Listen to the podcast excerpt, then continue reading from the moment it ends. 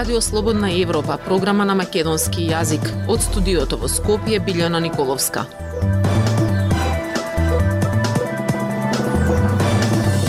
Во денешната емисија на Радио Слободна Европа ќе слушате Резолуција за елинденското востание предлага СДСМ.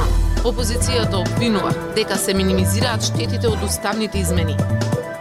Аудито е на соседота боли како да е твое. Што по пожареното Ауди кое го вози Артан Груби, а е на неговиот сосед.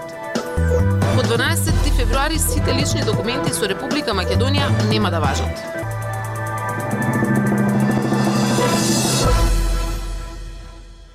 Владачката СДСМ најави дека во собрание ќе достави резолуција за Линденското востание во пресрет на 120 годишнината, која ќе се прославува на 2 август. Според нив, целта на оваа резолуција е меѓу другото да ја намали хистеријата на опозицијата. Од друга страна пак, од опозицијската ВМРО ДПМН е велат дека таа служи за внатрешна употреба и за минимизирање на штетите од најавените уставни измени, кои во вторник се на Собраниска комисија. Деталите од Зорана Гаджовска-Спасовска.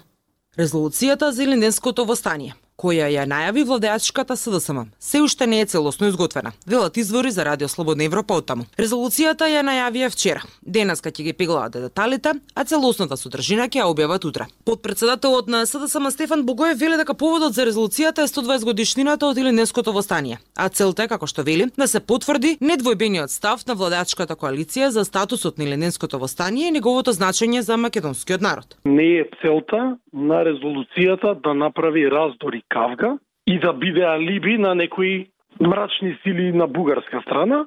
Поентата е таа да биде со позитивен тон за значењето на Илинденско востание. Нема да дозволиме тоа да биде резолуција која што би предизвикала реакција од друга страна или кавга и слично. Целта е да се скрати просторот на опозицијата исто така за ширење на хистерија и лажни вести на темата кои што се непотребни и само внесуваат несигурност кај граѓаните. Најавата за донесување на резолуција во пресрет на празнувањето на 120 годишнината од Илинденското востание дојде веднаш по веста за Бугарското собрание за како што е наречена Декларацијата за Илинденско преображенско востание предложена од пратениците. Владеачката СДСМ очекува резолуцијата да биде прифатена од сите политички партии, но од опозицијските ВМРО ДПМН и алтернатива. Велат дека ќе оценат дали ќе ја поддржат откако ќе ја прочитаат. Пратеникот од ВМРО ДПМН е поранешен министер за надворешни работи Антонио Милошовски. Вели дека најавената резолуција од СДСМ и она што се случи во бугарското собрание на таа тема се лошите последици од договорот за добрососедство, кој според него резултира со влошени меѓусоседски односи и чести провокации. Според Според него основната цел на оваа резолуција е за внатрешно политичко влијание, односно купување на ефтини политички поени. И веројатно мотивот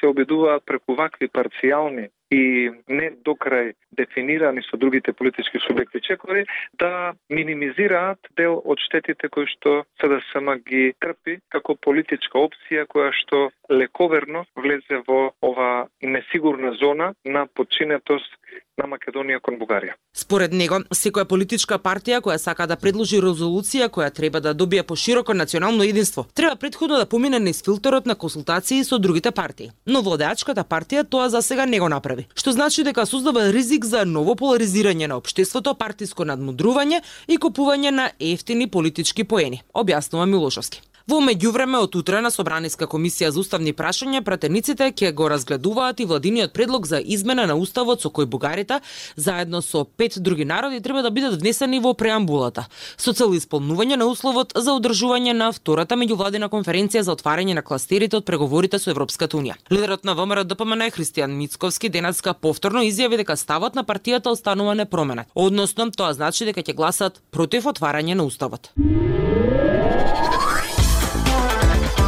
Независни вести и анализи за иднината на Македонија. На Радио Слободна Европа и слободнаевропа.мк.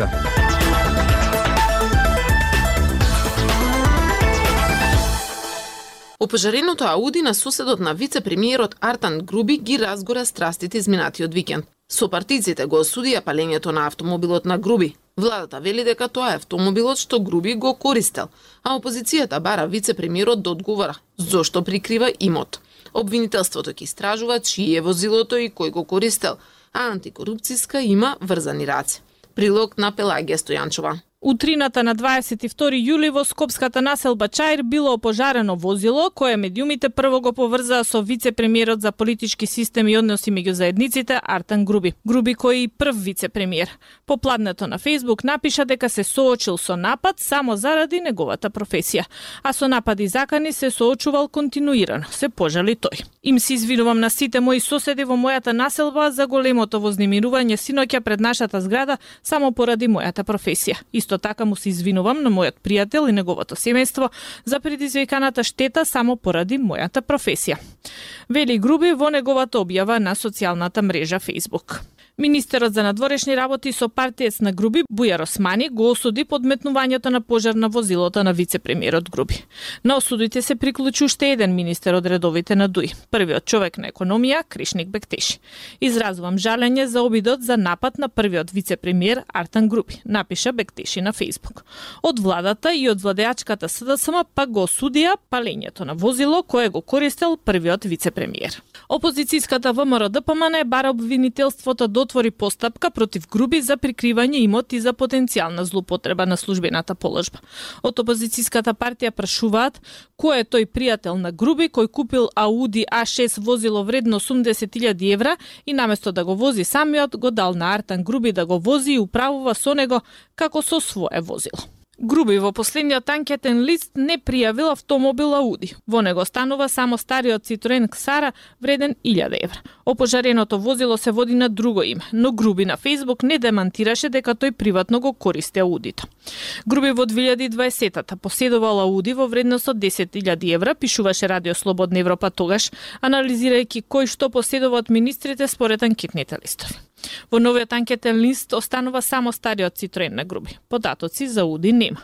Снимките од опожареното Ауди пак покажува дека станува збор за понов модел на Ауди А6. Полицијата во врска со случајот наведе дека опожарениот автомобил е во собственост и паркиран од 35 годишен човек со иницијали БЛ.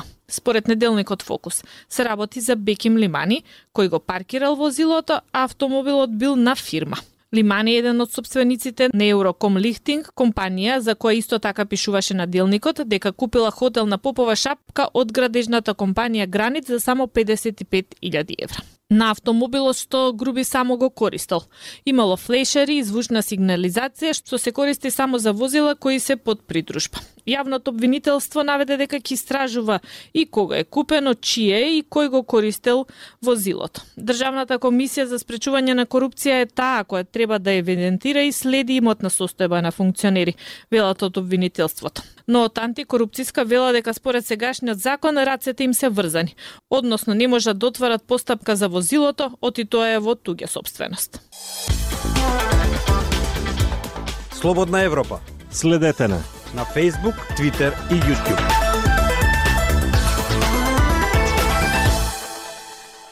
Сите владени лични документи на кои стои старото име Република Македонија нема да важат по рокот до 12 февруари 2024 година, според Преспанскиот договор, велат од МВР. Прашање е дали ќе настане хаос со оглед на краткиот период од 6 месеци, во кои граѓаните ќе мора да ги променат пасошите, личните карти и возачките дозволи. Прилог на Владимир Калински. На 13 февруари 2024 година нема да можете да преминете надвор од државните граници со валидан пасош на кој стои старото име Република Македонија, односно од тој датум станува невалиден. Исто така, ако ве запре полиција со возило, ќе ви напише казна ако вашата возачка дозвола не е со името Република Северна Македонија. Неважечки ќе бидат и личните карти ниту една институција нема да ги прифаќа како важечки документ. Издадените лични карти, пасоши и возачки дозволи кои се со важечки датум, но го содржат името Република Македонија, ќе важат најдоцна до 12 февруари 2024 година, потврдуваат од Министерството за внатрешни работи за Радио Слободна Европа.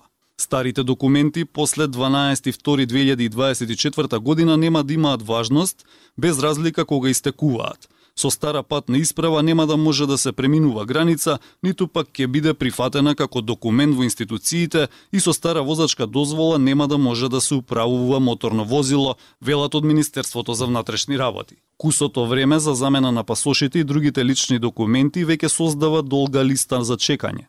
Ако се обидете да закажете термин телефонски, резервација ќе добиете за околу еден месец. Закажувањето преку интернет не успева лесно, па опцијата е да се јавите телефонски.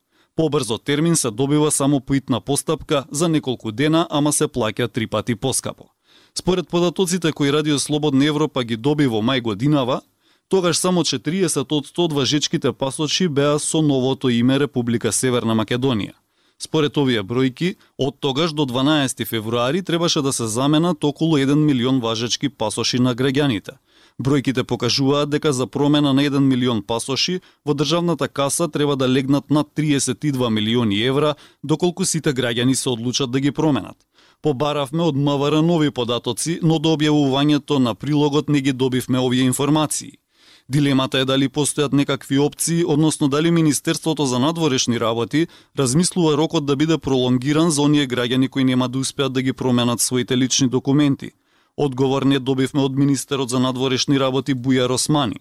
Преспанскиот договор со Грција беше подпишан на 17 јуни 2018 година но критиките до институциите се дека иако роковите од договорот почнаа со промената на уставот во февруари 2019 година, тие не започнаа навреме да издаваат лични документи со новото име Република Северна Македонија. Пасошите ќе чинат 500 денари повеќе за возрастните граѓани над 27 години.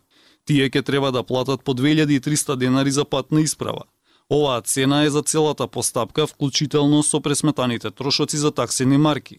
Поскапо за 1600 денари ќе чини пасош по итна постапка, односно вкупно 6100 денари. Дайте ни 15 минути и ние ќе ви го дадеме светот. Слободна Европа.мк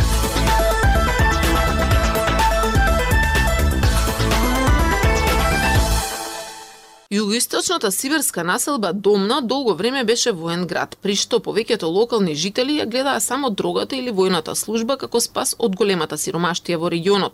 По руската инвазија на Украина, сите мажи од населбата заминаа да се борат во Украина, а голем дел од нив не се вратија и го испразнија селото. Некои од преживеаните кои се вратија на одмор дома, за се раскажуваат зошто заминале и низ што поминале. Пренесува Марија Тумановска. Покрај војска нема многу можности во сиромашната сибирска населба на околу 35 километри југозападно од Чита. За нас војниот рок е главниот начин за заработка, вели локалниот жител Алексеј. Сега тие регрутираат нови доброволци. Речи си сите отидоа во војна, раскажува Алексеј. Предвојното население на Думна од околу 6000 граѓани е сериозно исцрпено по целосната инвазија на Русија врз Украина во февруари 2022 година. Многу млади луѓе доброволно се пријавија или беа мобилизирани, додека други исчезнаа откако председателот Владимир Путин прогласи мобилизација во септември минатата година. Многу момци беа мобилизирани, раскажува Алексеј, чие име е сменето заради негова заштита. Тие беа однесени во автобуси. Мојот брат беше одведен. Тој е млад, има само 20 години и тие исто така донесоа мобилизирани војници овде од други региони. Тие беа обучени овде, а потоа беа испратени во војна. Думна има лоша репутација. Речи се е невозможно да се оди таму навечер, раскажува локален таксист. Мештаните се ѓубриња што ќе те удрат по глава само така. Таму нема нормална работа. Се се врти околу железницата или воените единици. Единствениот начин да се дојде до работа е преку подкуп, Штом почна војната, речи си сите локални луѓе беа однесени во Украина. Александар Рапченко беше мобилизиран кон крајот на септември 2022 и се врати во домна на кратко отсуство. Пред тоа работел како работник во воздухопловната база. Наполнивме артилериски гранати, Тоа беше нормална работа, а јас бев задоволен. И требаше ли да бегам кога мојата татковина беше во опасност? Не, јас сум патриот, отидов да го бранам. Секако дека помагаат и парите. Раскажува Рапченко. На почетокот на оваа година, практично целото село излезе на погребот на вагнерскиот борец Алексеј Лукјанов, кој беше убиен во близина на Бахмут. На неговото семејство никогаш не им биле соопштени деталите за неговата смрт. Ја слушавте емисијата на Радио Слободна Европа, програма на македонски јазик. Од студиото во Скопје со вас беа Билјана Николовска и продуцентот Дејан Балаловски.